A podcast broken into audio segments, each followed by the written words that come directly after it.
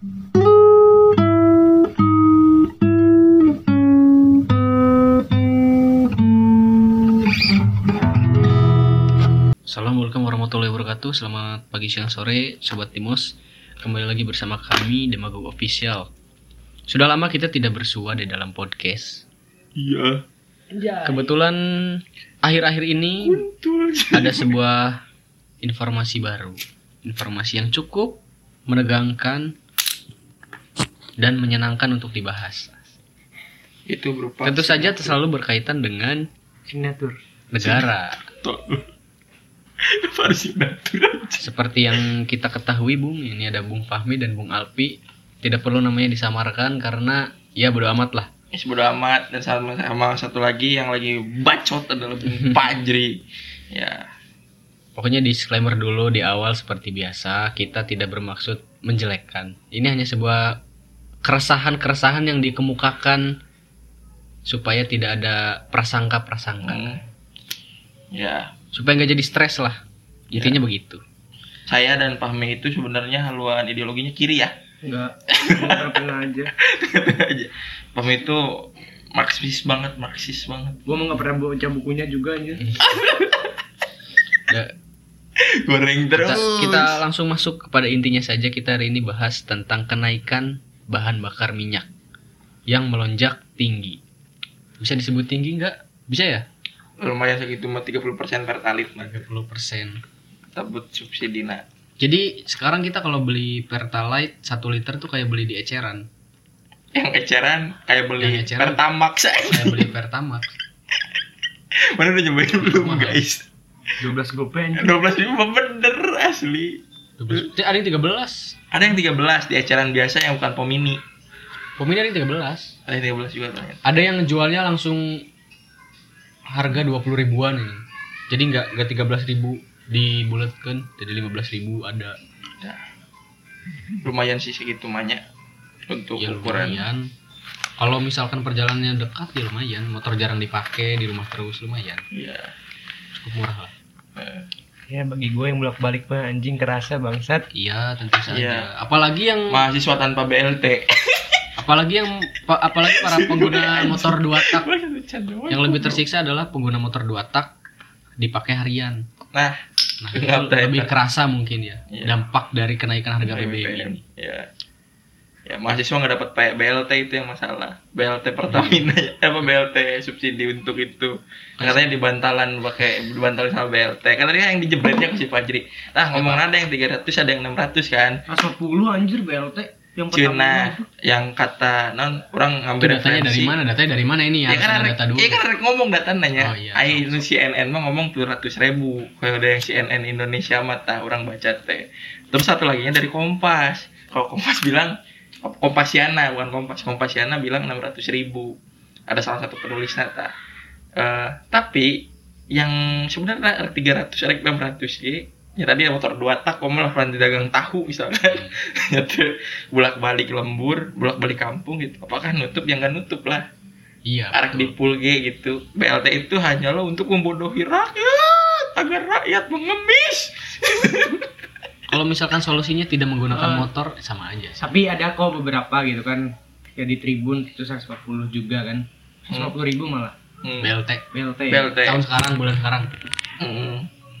selama 4 bulan di 2022 Jadi kenaikannya nggak setara dengan kenaikan harga bahan bakar minyak. Maksudnya tidak setara dengan kebutuhan. Eh, BLT-nya tidak tidak sepadan gitu dengan. iya dan itu yang kurang greget gemes gitu ya jadi alasan kenapa naik alasannya kan Bu Sri Mulyani bilang kan karena sudah terbebani dengan subsidi 502 T apa 600 T kan gitu. Sedangkan dalam eh, catatan demokrasi kan dibahasnya salah satu pengamat ekonomi bilang kan sama kalau nggak salah sama siapa Rizal Ramli dia bilang kan bahwa sebenarnya dicantumkan di APBN sebelumnya itu untuk subsidi bensin itu hanya 11 triliun. 11 triliun.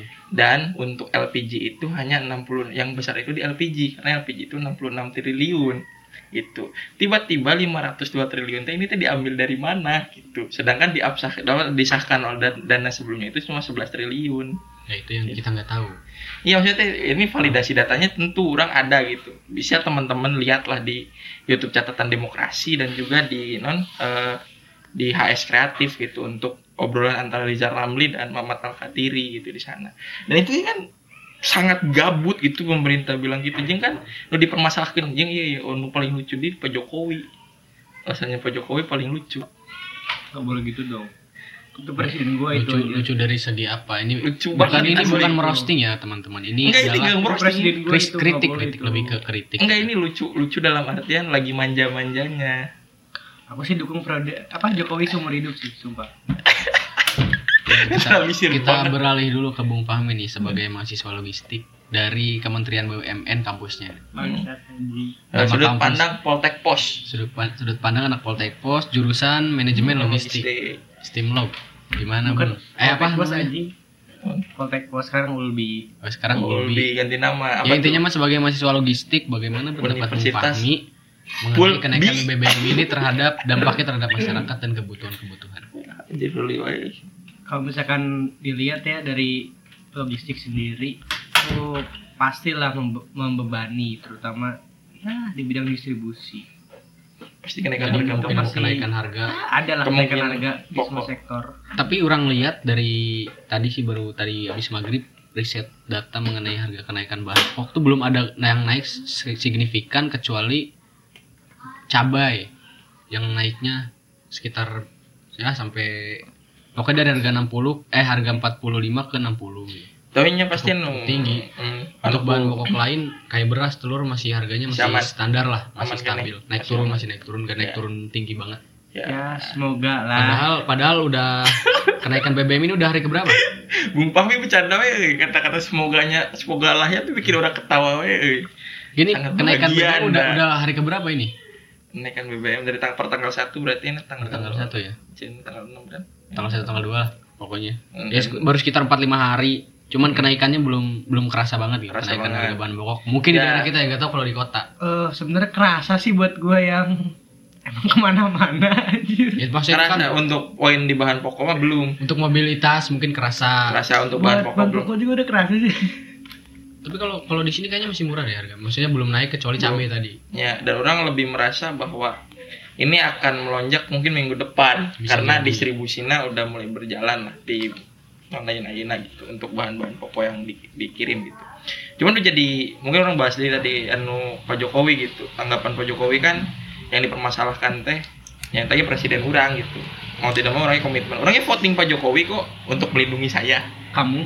Iya, aku melindungi. Aku enggak. Aku Bukan voting. kita ya mohon maaf. Iya, Eh, itu cuman ah, Alpi sendiri. Aku aku voting gitu. Jadi di sini ya apa salahnya seorang voters untuk mengkritik yang di vote kan? Iya. Bener tuh.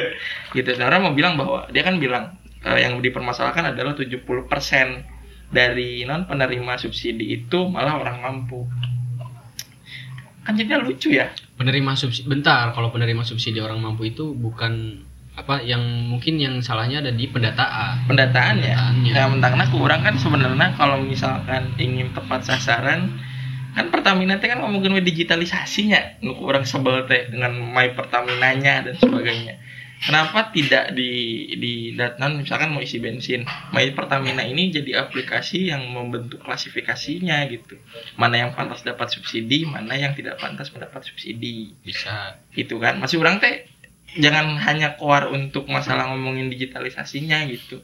Kalau emang tidak digarap untuk solusi ke arah sana ah walaupun datanya bocor wae. Awas nanti data bocor. Sedih, unik masing-masing. jadi intinya ini adalah miskomunikasi antara masyarakat dengan apa yang pemerintah inginkan. Miskomunikasi di sini.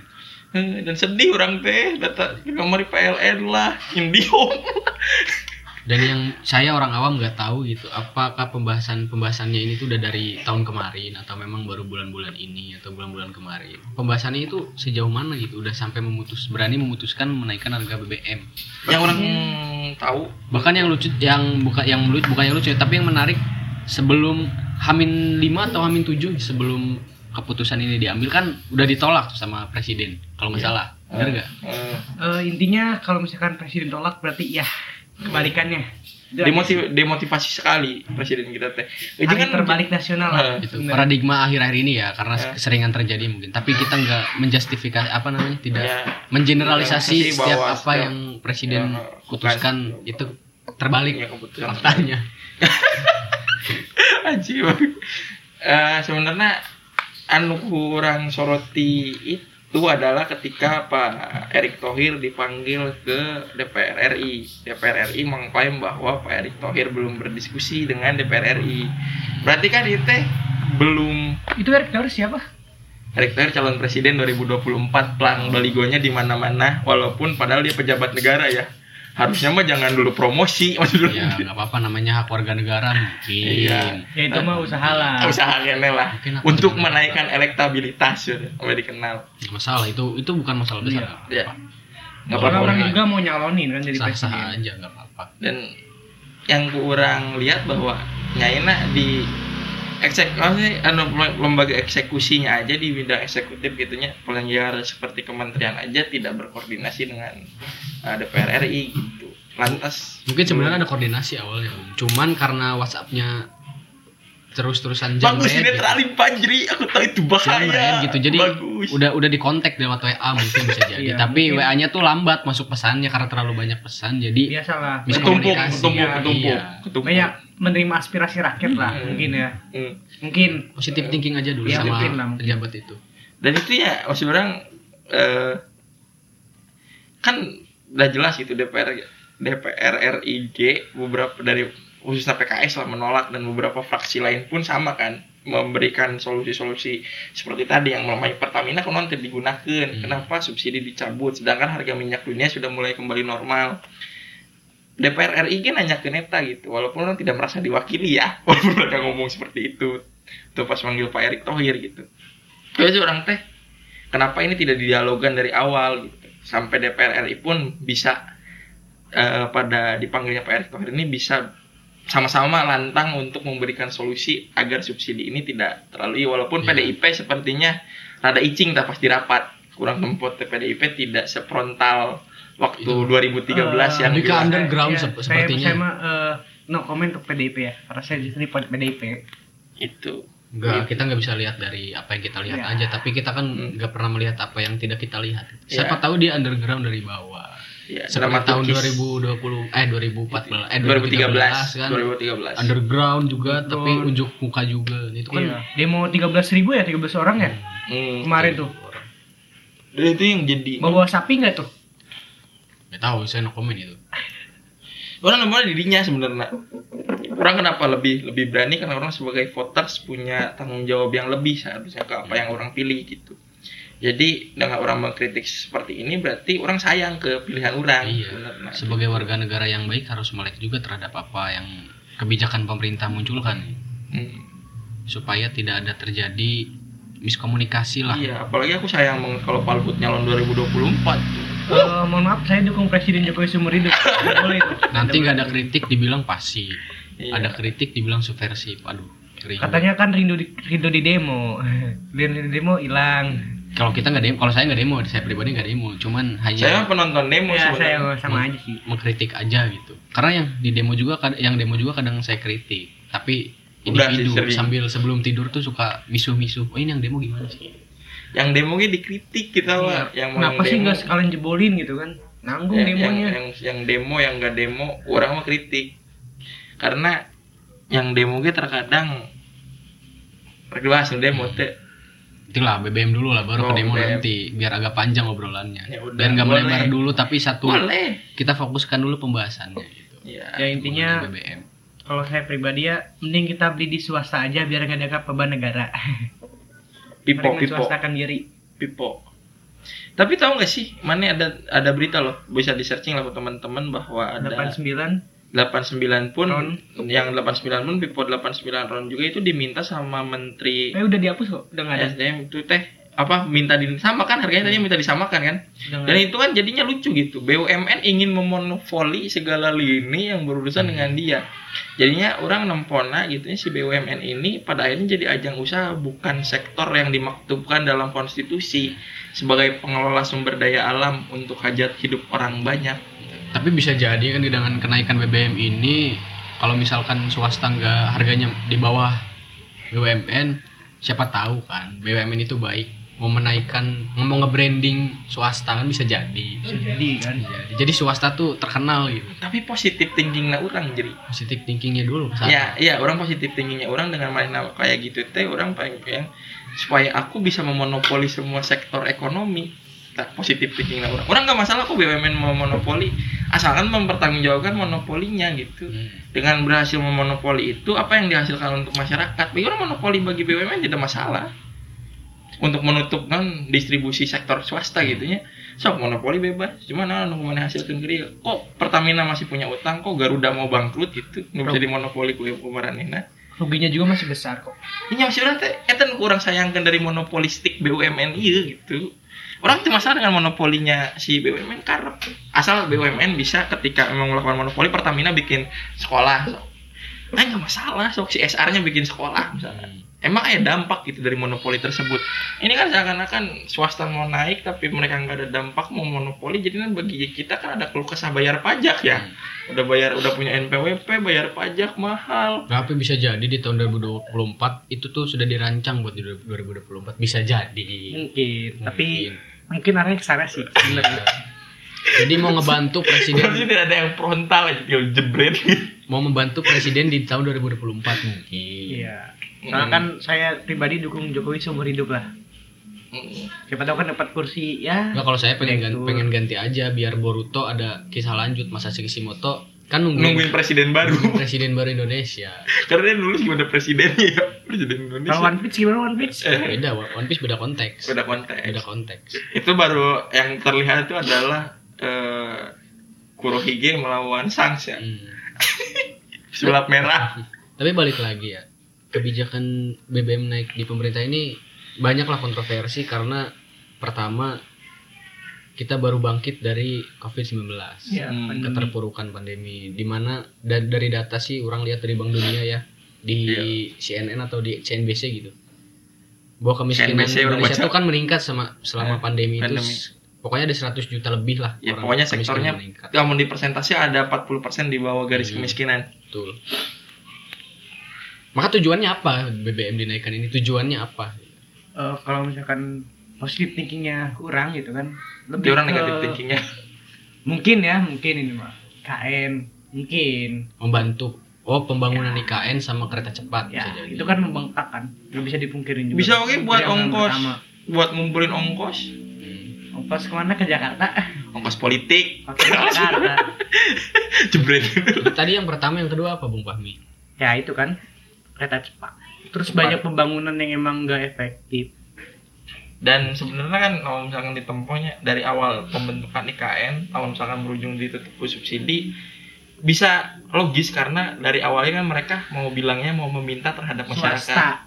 masyarakat. Oke kan? Mereka kan bilang mau ada iuran masyarakat. Cik orang mah eh udah nggak mampu bayar. Karena maksudnya tidak ada urgensi untuk pindah untuk apa pindah gitu.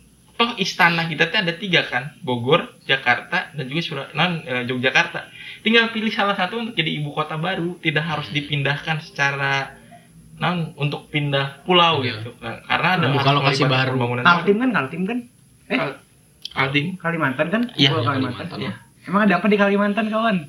Curiga. Nggak tahu sih Kalimantan. ada tambang. Ada tambangnya Pak Luhut ada tambangnya ada tambangnya Budi Gunawan terus juga ada tambang oh banyak lah tambangnya Jadi tadi orang menyimpulkan ya menyimpulkan dari obrolan kalian berdua jadi oh berarti pemerintah ini bagus niatnya berarti menaikkan BBM untuk meningkatkan kesadaran masyarakat untuk ikut andil dalam pembangunan ibu kota baru. ya, ya orang menyepakati Karena itu. ibu kota baru ibu kota ini bukan milik pemerintah tapi milik rakyat Indonesia betul kan ya? ya tapi Betul. kebijakannya buat rakyat yang mana Hmm, kebijakannya untuk memotivasi Nah, tapi orang biar orang nggak pasif gitu masyarakat bukan hanya bayar pajak Mm-mm. tapi secara pergerakan mobili- mobilitas ekonomi masyarakat ikut bergerak. Hmm, tapi namun orang obrolan di belakang ya jeung beberapa senior. Aku bawa senior nih sekarang seperti biasa. Obrolan panjang ini kan masalah kenaikan BBM dengan alasan 502 triliun dan sebagainya anggaran dan sebagainya gitu ya. Ya kalau misalkan dari non kuartal pertama gitu sebenarnya kuartal pertama ekonomi cek senior orang di non di teman diskusi lah. Bilang bahwa sebenarnya kan masih bisa ketutup dengan melakukan non subsidi teh masih bisa berjalan subsidi sebenarnya silang. Kenapa harus diakhiri sisi subsidi ini gitu? Kalau misalkan tidak menutup beban-beban lain apakah negara ada beban lain? Karena yang orang tahu antara tadi orang nambahin salah satu faktor di antara dua titik tadi dan kita tuh tahun depan tuh ada jatuh tempo juga harus bayar. Utang. Ya dan itu bunganya lumayan besar. Yang berapa sekian triliun lah. 600 sekian atau berapa ratus sekian gitu. Yang harus dibayar dengan bunganya ya, tentunya tahun depan. Dan itu eh, antara budget ini itu memang tidak dicabut subsidi itu untuk mengumpulkan duit ke arah tak jatuh tempo tahun depan atau menutup proyek tadi yang dua tadi. Mun bagi orang IKN itu belum ada urgensi, kereta cepat masih oke okay lah, Ya. masih digunakan kene lah gitu. Eh, tapi kayaknya kereta cepat agak sulit karena mungkin mahal juga sih dan Eh, itu iya, buat pasti. rakyat yang mana juga pembangunannya Dan itu kan sebenarnya kalau misalkan dilihat eh, proyek-proyek tersebut di belakangnya kita tahu juga lah, nggak usah nyebut nama gitu di belakangnya ada, ada siapa gitu.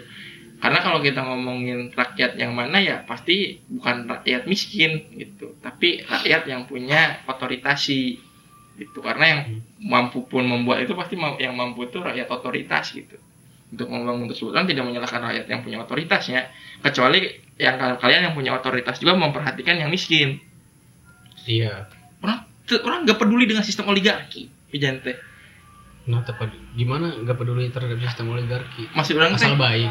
asal baik. Karena oli nanya oleh ngomong ke demokrasi Yunani sudah mencontohkan itu secara lama demokrasi itu gagal diadopsi dengan sistem sekulerisme diizinkan dengan sekulerian terus terjadilah sekulerisme dan demokrasi. Demokrasi seku- di- digabungnya sekulerisme untuk agar non Tuhan tidak ikut campur dalam urusan manusia.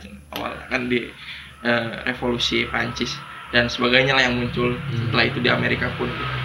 Cuma yang ke orang sudut pandangnya ada oligarki. Misalkan Roma lah. Oligarki Roma bisa menguntungkan masyarakat. Di zamannya Cicero. Bisa. Maksudnya itu orang-orang yang cukup berkuasa yang bukunya belum dibalikin. Saya sebut nama oleh temennya Fajri Tungdis pak tolong balikin buku saya. Buku saya ada di anda buku saya. Belum dibalikin Republikanya Cicero. Dan itu kan maksud orang oligarki selama melahirkan non melahirkan eh, masyarakat yang secara bahan pokok terpenuhi masyarakat bisa sekolah terdidik dan seperti apa tidak masalah. Masyarakat udah demo tahun emang bener ngajabat nah gitu. Masyarakat sejahtera dan bisa kebeli PS4 PS5 sesuai apa yang diinginkan dicita-citakan KB5 gitu. Masalahnya kan mana ada oligarki ba- oligarki baik Hmm. di zaman sekarang. Jadi masalah eta. Bentar orang sebenarnya untuk masalah sistem mah mau seperti apa pun sistemnya tidak masalah. Bagi orang pribadinya. Bagi gimana? tapi apakah BBM naik kita akan pindah ke kendaraan listrik? Itu kan yang jadi pertanyaan. Jadi. karena kita yang bisa dipungkirin lah udah banyak juga kendaraan listrik. Dan kita tahu di belakang belakangnya ada siapa. Project, oh nya orangnya lupa. BNI pun mendorong agar green apa? Go green? Apa apa sih? Pokoknya nama untuk mana nyediakan non? Di setiap ini menyediakan untuk charger mobil sekarang. Dan juga di Alpha Express dan Indomart non Indomart non? Rest area biasanya. Ya pokoknya mah mereka sekarang udah di di rata-rata di Alpha Express dan juga Indomaret itu sudah menyediakan colokan untuk mobil listrik bukan hanya motor listrik gitu. Cuman ya balik lagi Elon Musk mau nggak ngirim mobil ke sini walaupun udah ketemu Pak Luhut dan Pak Jokowi ya beberapa kali gitu. Saya kalau hello lah pokoknya kenalan. Ya kalau misalkan mutualan mutualan sama Elon Musk. Ya kalau misalkan saling follow nggak? Kayaknya saling follow deh. follow follow ini nama. Udah CS udah CS mantap kalau misalkan memang mau didorong ke mobil listrik bagi orang silakan asal karena sumber daya sumber daya terbarukan berarti kan dan tidak tidak merusak alam tentunya. Cuma eh, jangan lupa untuk saat ini minyak bumi itu masih perlu karena kan belum digarap proyek untuk ayam mobil listrik nah gitu dan harganya cukup penting untuk kita masyarakat masyarakat kaum proletariat ini. Lawan bahasa Islam, Islam nama ismu afin lah. Hmm. kamu mutas mutas apin ya rek rek di mana kan ya ismu apin itu gitu. Dengan yang tidak mampu membeli gitu. Dan ya balik deh gitu konsep pemerintah. Kan diciptakannya negara itu buat cek sejarah kan harus melindungi masyarakatnya. Makanya tercipta negara itu untuk menciptakan masyarakat komunal gitu. Namun akhirnya pemerintahnya aja menyelewengkan mandat komunalnya untuk tidak melindungi masyarakat atau memenuhi kebutuhan pokok masyarakat dengan alasan perut sendiri karena oleh negara. Balik balik lagi weh. Apakah keputusan pemerintah ini tepat atau enggak? Enggak Wami tepat atau enggak? Tepat bagi rakyat yang emang memiliki Uang. eh, uang cukup. bukan kepentingan lah. Yang punya transmart. Cukup yang punya transmart. Bagi orang kenapa orang bilang tidak? Karena melin- meninjau bahwa eh, ada Erick Thohir bilang masalah digitalisasi wae yang harusnya bisa diproses dengan masalah eh, tadi My Pertamina harusnya bisa menjadi aplikasi untuk membentuk klasifikasi mana yang pantas mendapat subsidi dan mana yang tidak dapat subsidi. Ah, mahal ngelola server nya wayah nah untuk awal-awal pembiayaan apa pun pasti awal-awal pasti mahal gitu. Daripada bikin gatot kaca nggak jadi-jadi hmm. jauh itu di ML Gatot kaca gatot kaca ataupun bikin set engines apa pun gitu. Dan itu ya cik orang My Pertamina itu aplikasi yang udah orang cobain dan bagus secara UI UX berarti kan tinggal digarap bagaimana menambahkan satu fitur baru gitu. Dan bagaimana melakukan penyaringannya. Entahkah melalui yang pasti tidak membohongi ekonomi mah ada satu alat yang bernama NPWP ini jelas tercantum hasilannya berapa. Hmm. dan itu dan itu tinggal disortir aja dari NPWP yang dipotong dan sesuai tidak dengan orangnya kan. Tapi janji gak bocor lagi Nah, itu doang yang harus dipastikan juga adalah tidak bocor basis datanya. Tak sanggup ku menerima. Kayaknya nyeta misalkan misalkan terjadi tersebut. Oke baik, kita bergeser sedikit bergeser pembahasannya bukan ke arah pembahasan fakta tapi ke prediksi. Melihat yang sudah-sudah nih kebijakan diputuskan satu bulan, seminggu, dua minggu, tiga minggu, satu bulan, dua bulan dibatalkan keputusannya, kebijakannya. Apakah kebijakan BBM naik ini ada kemungkinan untuk dicabut atau tetap bertahan? Atau mungkin turun tapi nggak ke harga semula gitu? Mau siapa lah? Mau dilempar ke siapa Pak moderator? Terserah, Bung Pahmi dulu Cok, logistik Mi. gimana nih? Analisis dari Ya, no logistik lah weh. Orang di sudut pandang Eh, kalau ekonomi. misalkan Karena banyak dipertentangkan nih kebijakan ini. kalau misalkan lihat situasi sekarang ya yang banyak penolakan mungkin ke depannya emang ada tapi nggak bakal balik lagi ke harga normal Pasti. Turun sedikit paling mungkin. Dikit. Atau tetap harga 10. turun pasti turun. Sepertinya ya. Semoga aja ya terbuka lah pintu hatinya. Pasti turun asal aksinya rajin. Sama mau ngedorong gedung DPRD di 34 provinsi sampai jebol. Biasanya biasanya kalau udah rusuh bakar ban, bakar orang baru turun. Tapi kalau terus-terusan terus-terusan begini orang ninggalinnya sebagai orang awam, sebagai orang awam nih. Kalau terus-terusan kebijakan dibuat, diputuskan, ada pertentangan dari di masyarakat bergejolak, keputusannya dicabut. Ini kan mengindikasikan bahwa ketidaksiapan pemerintah dalam membuat suatu kebijakan, benar nggak? Betul, karena dari awal G kita tuh dalam masalah setelah turunnya Pak Harto, Hmm. permasalahan dari pemerintahan kita tuh untuk menjadi menteri itu bu- tidak ada seleksinya lagi. Hmm. Kan di zaman Pak Harto itu harus ada sekolahnya dulu ya, Lemhanas eh apa. Pokoknya disekolahkeun heula berapa bulan untuk masalah pembuatan perencanaan repelita walaupun menjadi rencana pembantaian lima tahun Iya gitu. Kalau misalkan ngomongin data, hidup pemuda Setiap- Pancasila. setiap kebijakan pemerintah dibuat berdasarkan data, berdasarkan survei. Kalau misalkan pada akhirnya keputusan dari pemerintah dipertentangkan oleh mahasiswa, oleh rakyat, oleh buruh, oleh semua elemen masyarakat, jadi data yang mana, survei yang mana yang digunakan? nah itu yang Yang jadi masalah kan itu. Ayo, dipertanyakan kawan itu yang selalu menjadi orang tempo dan orang tinjau selalu ada perbedaan pendapat antara pemerintah dan ahli ekonomi makro atau mikro Hmm. dan juga yang terla- selalu terjadi itu lembaga survei Indonesia LSI dan lembaga survei seperti data.com selalu berbeda hasilnya itu Ya mungkin ini karena mungkin hasilnya berbeda-beda, jadi pemerintah itu bingung memutuskan yang mana. gitu. sampling Jadi nggak matang keputusannya. Ya makanya ini anu kurang lihat teh sampling mana yang paling benar. maksudnya teh mana ya antara ahli ekonomi makro misalkan ngebahas nukar kamar APBN atau yang ditujukan oleh Bu Sri Mulyani Hmm. dalam rapat nah gitu kan yang pada akhirnya itu ada muncul dua don dua kebenaran yang harus dianalisisnya.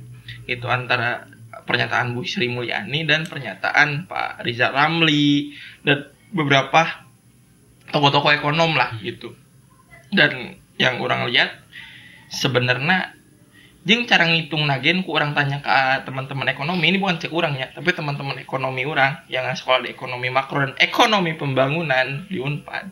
Saya punya teman di sana cara hitungnya pemerintah itu kan oh masih aman dengan GDP sebenarnya perbandingannya bukan di, di GDP negara tapi perbandingannya itu adalah hutang ditambah bunga eh, dikurangi penghasilan non eh, devisa dan penghasilan masyarakat per tahun cenah. Jadi bukan hitung dari GDP, pasti GDP pasti besar, tapi tidak menutup dengan angkanya, gitu. Hmm, Menurut ahli, betul, betul. ini bukan kata orang, tapi kata eh, teman-teman yang sekolah di ekonomi pembangunan sama sekolah di ekonomi makro. Orang nanya ke teman, emang kenapa sih banding sama di GDP itu salah, pi gini gini gini. Ada metodologinya namanya ini. Orang lupa nama metodologi penghitungannya ya. Tapi itu yang orang coba obrolin sama teman di sana gitu. Dan juga kan eh, kenapa sekarang kerasa banget dan sebagainya. Dan pemerintahnya kan nutupin masalah inflasi yang terjadi. Sebenarnya kita inflasi itu untuk bahan pokok udah di angka 6% Hmm. Untuk bahan pokok dan makanya kerasa mahal dan sebagainya gitu. Yang orang tuh paling nggak yang paling orang non orang mah tidak tidak tahu data mana yang paling benar antara Bu Sri ataupun teman saya yang dia mahasiswa ekonomi yang bilang itu 6% dan pemerintah bilang tiga non cuma 5% sekian gitu. Walaupun bedanya cuma satu persen. Tapi maksud orang teh eh, walaupun memang itu benar menjadi 6% jujur aja nggak ada salahnya untuk jujur dibanding Hmm. harus kembali menjadi 98 kalau menurut krisisnya kerasa pisan gitu Eh, sepertinya kita udah masuk multi krisis sih kawan bukan yang satu doang Ya mungkin begitu. Memang yang paling goblok adalah mereka yang goblok itu mereka yang pintar manipulatif. Jadi Eta. kasihan kasihan para pemangku kebijakan bingung nih data yang mana. Oh ya udah pakai yang ini aja deh. Yang kayaknya kelihatan lebih real padahal manipulatif goblok. Goblok. Maksudnya Gitu enta dong, makanya nggak gitu dong nggak boleh kasar dong. Nyebut tuh merek. punya beberapa teman gitu ya di ekonomi ekonomi pembangunan gitu. Apalagi negara kita walaupun disebut negara maju eh, konteks negara majunya seperti apa tolak ada beberapa tolak ukur misalkan dihitung dari pendapatan per kapita memang masuk misalkan dan pendapatan itu. Tapi untuk memasuki kriteria bahwa kita sudah masuk ke dalam sektor industri berat itu kan belum belum belum utuh gitu masuk industrialisasi sana. Buktinya naon sektor agrarianya masih naon masih besar sektor agraria gitu. Dan sebenarnya disebut negara maju ge antara itu hadiah dari IMF baik-baikan IMF dengan Indonesia aku aku minjemin utang nanti kamu aku klaim sebagai nan setelah ini aku klaim kamu sebagai Hmm. negara maju itu mau maju ke mana kan Ke gitu-gitu Malaysia majunya atau ke mana nih ke, ke Singapura aja Ya. Udah udah daripada pembahasan lebih jauh melebar dan lebih berbahaya. Kita langsung aja simpulan bukan kesimpulan. pertanyaan lagi Dimo. Enggak, apa apa Demo, nih solu- solusinya dulu nih? Ya maksudnya kita kelarin dulu pembahasan BBM dulu nih. Solusinya apa? Apakah dicabut aja ataukah memang dinaik apa harganya naik dari harga normal tapi tidak 10.000 gitu. Di harga standar lah. kurang mau ngasih tanggapan Naiknya dikit aja gitu. kurang ngasih tanggapan yang tadi yang awalnya kalau emang Pertamina serius menggarap digitalisasi dan memang Pak Jokowi ingin tepat sasaran silakan main Pertamina ditambah fitur baru untuk melakukan klasifikasi mana yang berhak mendapatkan subsidi dan mana yang tidak walaupun misalkan ini mau tidak diberlakukan gitu dengan ah nggak usah ceban gitu ataupun berapapun tapi menurut orang mendingan kene mau emang di, mau didorong ya tinggal buat aja main Pertamina yang seperti tadi gitu Hmm. yang beh non yang cukup modal dan cukup uang tidak beli pertalite memang harus yang beli yang tidak disubsidi gitu itu dan transparansi datanya bisa dilakukan melalui ada yang namanya NPWP untuk ngecek keabsahan penghasilan Iya. per bulan seseorang terus juga misalnya untuk ah NPWP-nya bisa dipalsuin. Kan NPWP memang nggak ada fotonya kayak KTP NPWP dan KTP harus dipoto secara bersamaan. Itu bagi orang menjadi solusi untuk bagaimana itu mah hal-hal teknis yang harus dipikirin sama Pertamina lah. Bukan sama orang gitu sebenarnya. Cuma sebagai masyarakat yang beli kopi dan baik ke barista yang harusnya orang udah bayar orang bilang kopinya nggak enak doang. Jadi enak orang bilang kopinya nggak enak cara bikinnya juga gini. Gitu Dan jangan lupa gencarkan sosialisasi, guys. Bu Pami gimana Bu Pami solusi Eh. dari segi logistik? Kalau untuk jangka panjang sih ya saya eh, saya sendiri lebih berharap kita kelola minyaknya sendiri dalam artian untuk pengelolaan rokok mana guys eh, minyak itu harus sama sendiri gitu. Hmm. Kita nggak bisa dipungkiri gitu kan kalau Iya, kita betul. mengirim minyak mentah keluar terus ditarik lagi ke kita. Iya, Itu kan konyol. Agak konyol ya. emang mah bikin biaya ketawa, sangat ketawa. mahal. Bener ya. ongkos Sebenarnya itu trik sebenarnya, bukan bukan nggak bisa tinggal lah, tapi trik. Ya, cuman Biar ada lebih lebih. ke situ lah. Terus yang kedua mungkin bisa lebih selektif lagi dalam merancangkan merancang pembangunan. Hmm. iya yang dan nggak penting-penting banget, nggak usah lah. Nggak usah maksain kalau nggak bisa mah. jangan triwulan triwulan triwulan Karena banyak hal yang sebenarnya urgent tapi malah dialihkan ke hal yang nggak urgent. Iya. Kita, kita juga harus melihat karakter orang ya, karena karakter orang beda-beda gitu untuk pemerintah nih. Terlalu banyak apa namanya rencana pembangunan kan kita nggak tahu ada orang baik atau orang jahat kan.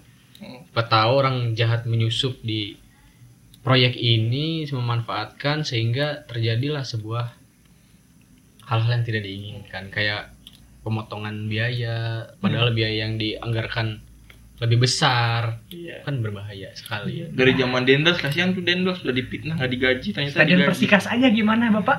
yang tadi ini 2 M sampai berapa dipotongnya? 1,2 1,6 anjir. 400 juta dipotong 400 juta Iya. Dianggarkan 2, 2 M kan kemarin. hmm. tuh jalan anyar penarukan balik lagi dipitnah Dendels karunya Dendels padahal nggak gaji pribumi ternyata nu nu nggak korupsi sah bupati bupati nah dari zaman dulu Tuh, Kan betul. sejarah dibuat untuk yang menang. bahkan sampai bansos juga dari pemerintah oh, it's okay besar sampai bawah 10 ribu. jadi murah 100 ribu Barisnya itu dipotong memang- 10 ribu. memang akar kegoblokannya itu sampai ke akar-akarnya gitu. Tapi ada satu hal yang ku orang kutip dari buku yang Fajri baca yang waktu itu diupload. Dan itu orang orang sepakati sebagai orang yang ada di dalam politik. Ketika orang mengan merancang sesuatu aturan atau mem- membocorkan non ya istilahnya sudah andil terus aya nu demo itu teh tidak mau menunjukkan sisi kelemahan manehna gitu jadi bukan sih poho orang. Ya tapi maneh pernah eta kan ngupload di SW orang baca SW na Hmm. Dan itu Lupa. itu ya pokoknya buku itu yang orang maneh baca Ya intinya sekarang kita tanya balik. Menurut Fajri gimana Oh, solusinya? ya. Bosan terus kita terus yang ditanyain. Iya, karena saya di sini moderator Enggak harus tahu Seba- juga lah. sebagai pembawa Ya walaupun acara. Fahmi mahasiswa logistik saya punya teman banyak di makroekonomi dan pembangunan dari sisi misalnya di sisi psikis para pembeli sok Iya, sebagai anak tahu psikologi juga lah. kalau menurut saya sih ya tidak perlulah menaikkan harga tinggi gitu karena kan kalau dari konsumsi masyarakat itu kita itu mobilitasnya tinggi gitu untuk ke sana ke sini menggunakan kendaraan ben- berbahan bakar minyak tambah nggak semua orang yang mampu yang punya motor ada orang juga orang yang ekonominya rendah tapi punya motor Hmm. jadi ya dikhawatirkannya orang-orang ini tidak percaya deh terhadap pemerintah karena kebijakan-kebijakannya tidak memihak kepada dia gitu. Hmm. Tapi kalau saya pribadi lebih dukung presiden seumur hidup sih, Jokowi seumur hidup. Saya garis keras Jokowi. Ya karena takutnya ganti presiden yang gak sesuai dengan ini proyek IKN-nya jadi mangkrak sama kayak proyek-proyek sebelumnya.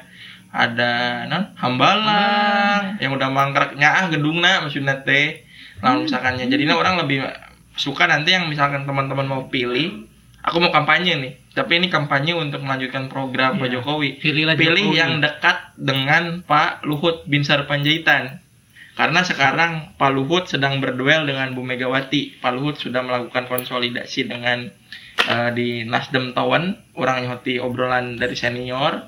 Udah yang ketemu udah yang ketemu sama Pak Surya Paloh tuh ada Pak non eh, Pak Luhut, AHY dan juga eh, non Yusuf Kala dan itu adalah eh, obrolannya adalah untuk meneruskan proyek Pak Jokowi. Sebenarnya Megawati sudah ingin melepas tangan soal proyek-proyek tersebut. Ini bocoran aja buat teman-teman. Jadi 2024 dukung yang ada di belakangnya itu ada Pak Luhut. Namun memang proyek mau tetap berjalan. Ya pokoknya eh, Jokowi presiden seumur hidup gak boleh diganti. Udah, itu aja lah. ya balik lagi menurut seorang solusinya adalah harganya dinormalkan kembali karena konsumsinya harga normal juga konsumsinya tetap tinggi gitu harga Iya. normal ya untuk apa dinaikin kalau konsumsi masyarakatnya aja udah banyak Hmm. masa kalah sama Venezuela negaranya mau bangkrut ya. Venezuela aja harganya 300 oh, tapi bisa Rupiah. jadi pemerintah untuk menekan angka kendaraan di Indonesia. Karena kan terlalu banyak kendaraan macet. Mungkin mengatasi macet bisa jadi. Bisa sih Eh, misalkan maaf positif dulu nah, juga kan positif lagi. bilang katanya kalau saya jadi presiden lebih gampang untuk menangani macet di Jakarta bapak. Ya mungkin dengan menaikkan harga BBM kan orang jadi malas berkendara nih jadi menggunakan angkutan umum kan mahal juga angkutan umumnya gimana iya tuh? tetap mahal sih. Namun arek Pak Jokowi permintaannya lebih mikirna sedikit mah- lebih murah. lamun misalkan mau namun misalkan angkutan umum jika damri AB orang naik. Tiga belas ribu ya? Eh berapa enggak sih? tinggal jawab makasih ya Naomi. Orang ke Sumedang gratis sekarang berarti depan non unpad tapi Gitu. goceng coy Bandung apa? Damri damri. Yang depan neta monumen juga orang bayar dengan makasih doang. Gue juga makasih sih kalau dikasih KTA mah orang ada KTA multifungsi. Makasih. Jadi pas turun teh nuhun pak. Gitu doang itu udah dikasih pedang gitu doang aja. Nuhun pak. Gitu. Ya udah kita ganti pembahasan mengenai demo. So no Tadi demo demo, kan orang udah nggak suka demo ya nu bapak ini resep Jadi demo, demo mah. di Jakarta hasilnya apa gitu? Eh, saya pribadi nggak demo pak. Saya tadi tidur pak. Enggak Nah. hasilnya. Kan ada live report gitu ada live report. Naon apa organisasi eksternal orang? Sudah kan yang, yang di Jakarta itu kalau nggak salah pengusungnya HMI ya PBPMI Enggak, intinya eh Cipayung Plus. Plus lah bapak. Senin mah ke kamari PBPMI organisasi saya saya Anjing, cintai. tapi PKS tadi kan bareng HMI kan demonya. Iya. PKS tuh kata PKS nih bentuk buat PKS ya apresiasi buat PKS dulu apresiasi. Apresiasi. Karena- makasih. dia meninggalkan rapat paripurna PKS. mengenai aku gelora kenaikan BBM dia menolak dengan keras sampai bawa-bawa apa tulisan kan menolak menolak BBM Hmm, pas dia ini mau kot kita. Semua anggota partainya yang hadir di sidang paripurna mengangkat semua kertasnya dan langsung meninggalkan ruang rapat paripurna Ya, untuk apresiasi. ikut demo dengan mahasiswa. Oke apresiasi dulu apresiasi. Iya sih. Hidup Fahri Hamzah, eh lupa Fahri Hamzah udah nggak di situ ya, udah kena denda 2 miliar, berapa miliar? Jangan lupa logistiknya didorong pak kita demo perlu logistik Sebenarnya untuk orang soroti dari dari non dari kemarin adalah sebagai anu non ya, anu anu demo PMI lah, nor jelas-jelas serta adalah organisasi background orang yang orang lebih paham gitunya. Kan PBPMI mah lamun secara non secara jelas lah secara konsolidasi akbarnya jelas bahwa kita eh, setelah ditimpa pandemi harga bahan pokok belum normal tiba-tiba dihajar oke ku BBM gitu. Jadi masyarakat bisa cekik dicekik deh gitu. Ke pemerintah BL sedangkan dikasih BLT tapi nggak seberapa nggak seberapa. Makanya untuk kemarin PBPMI menginstruksikan ke seluruh pimpinan PKC dan PC untuk melakukan aksi gitu. Termasuk di kota Bandung. Cuma saya nggak ikut aksi karena emang di lembur di, di Subang gitu. Dan juga ada hal yang harus diurus di luar itu gitu. Yang pada akhirnya tidak bisa menyebabkan saya ikut serta dalam eh, aksi yang dilaksanakan oleh PBPMI gitu cuma untuk masalah aksi-aksi yang lain advokasi dan sebagainya di luar PMI orang tetap berjalan kan Hmm. sebenarnya kan bersama Tum Pajri. Enggak lah saya nggak ikut ikutan sebenarnya. Enggak, dia bukan maksudnya di luar PMI kita melakukan advokasi dan juga literasi kan gerakan nah, bukan hanya walaupun orang bilang bahwa emang kita pasif gitu tapi ada gitu terlihat lah gitu masih terlihat. Jadi emang orang sekarang apakah kenapa orang tidak aksi? Kemarin orang melihat bahwa eh, aksi bagus bagus. Orang setuju dengan banyak konsep aksi. Cuma apakah menjadi solusi? Ya silakan yang percaya itu menjadi solusi. Dan silakan juga yang memang tidak mau ikut gitu. Karena prosesi menentang itu tidak hanya melalui lapangan gitu. Tapi ada juga media-media lain untuk melakukan penyaluran informasi Betul. gitu. Untuk melakukan eh, non melakukan advokasi tersebut gitu. Gitu. Ada juga kan kadang-kala kasus Sambo aja kasus Verdi Sambo bisa diusut itu gara-gara rakyat Twitter yang berisik. Juga. Tuh yakin? Real sesuai fakta kawan. Yang penting di penjara lah. Tapi orang sebenarnya udah nggak ngikutin lagi kasusnya. Walaupun ya orang udah nggak peduli sih dengan institusinya juga kan gitu. Orang lebih suka ini apa sar orang mah. Orang lebih cinta sar ya nama. Ini gimana nih Pami nih anak PRMB iya Pami nih anak PRMB sekarang udah jadi balad PRMB ya aku mah hanya di PMI kan ya di ekstra PRMB kampus. kan yang paling keras di Bandung ya guys. disclaimer ya ini mah orang mah bukan PRMB kawan oh bukan Bukan. cuma partisipan dan juga sebagai Lebih suka mengamati aja pergerakan mahasiswa di Bandung. partisipan anarkis Dan jatuh hati sama PRM pergerakannya. Jatuh hati. Kenapa jatuh hati? Beda sama pergerakan mahasiswa lainnya. Buka-bukaan aja lah kita mah. orang Nggak lawan bisa dipungkirin juga kan. orang gerakan yang di- disupin. orang paling suka tuh aksi untuk saat ini tuh LBHI sebenarnya Lebih apa? Hah? Oh, lembaga hukum. Hal menghukum LBHI. LBHI sebenarnya eh ada satu senior yang kita temui juga jadi waktu itu sama kamu di salah satu rumah non kontrakan senior. Waktu sebelum di ruang kontrakan nah eh, yang waktu itu ngobrol sama maneh nepi ka penting orang sare. Ya orang setuju dengan konsep manehna gitu bahwa aksi itu harusnya dilibatkan oleh pihak masyarakat. Gitu. Yang memang eh, mau tidak gitu sepakat atau tidak. Jadi dialognya bukan hanya antar mahasiswa tapi masyarakatnya diajarkan dialog sebagai eh, non sebelum menggelar aksi tersebut gitu ya tahulah kita seniornya siapa ya gitu Eh, itu mana sih lupa? mau sebut nama kan dia nggak mau disebut nama mana? di Subang Oh, Subang. yang itu kita nginap lu cuma Hmm. ngajakan orang terus mana nawarannya jual baju Nyanyi, nyanyi. Eh, Lupa lupa. Ada ada baliknya orang ngobrol Saya tuh kadang lupa kalau ngomongin kayak gitu. mana kan nomor konsep naka orang di jalan Lupa lupa. Pas di jalan orang yang ngomongnya tadi Purwodadi oh iya jadi oh iya jadi orang orang sare Bu Pami gimana Bu Pami? Gak mau komen lagi? Gak mau komen komen lagi nih. Intinya mahasiswa sedang membangun menara gadingnya sendiri kawan. Udah sih. Intinya. hidup partai mahasiswa ma Benus sendirinya. hidup Inti- partai mahasiswa Intinya BBM naik bikin pom bensin penuh, anjing. Capek itu menguras emosi countrynya lah. Udah intinya gitu. Jadi harus beli pertamak, gak mau gak mau daripada ngantri lama setengah jam. Daripada ribut sama orang kan mendingan isi pertamak. Eh, tapi angka baiknya ketika pemerintah mengeluarkan kebijakan untuk kemanusiaan juga. Karena jujur kita kalau operasi SAR sangat sulit untuk beli BBM pakai jeligen, terutama Pertalite. Eh, kebijakan pemerintah itu selalu untuk kemanusiaan, kemanusiaan tertentu. Ah, tertentu Tertentu. Gak mungkin kebijakan pemerintah dibuat buat setan kan gak mungkin. Iya sih. Buat manusia juga. Soalnya kita apa persetan capek. rakyat kita capek beli Pertamax terus. oh, Pertamax, anjing Pertamax terus ah anjir mahal kawan. Apa, tapi kualitasnya lebih bagus. Ya, Kurang tapi tetap aja buat kita relawan mah. Aduh anjir. Kerasa tuh pak bayangkeun aya nu daek relawan ngeluarkeun duit gede demi naon nolongan batur. Cuma kerasa duitnya kalau beli pertalite satu jeligen eh pertalite pertama buat operasi SAR kerasa banget itu. Ya udah mungkin gak ada pembahasan lagi yang mau dibahas ini. sok satu jamnya kau kamu sempat tujuh atuh Wih, nah, tuh sok tuh orang udah liar. udah liar Aku udah pusing, udah no comment buat pemerintahan mah. Yang penting Jokowi seumur hidup udah itu aja.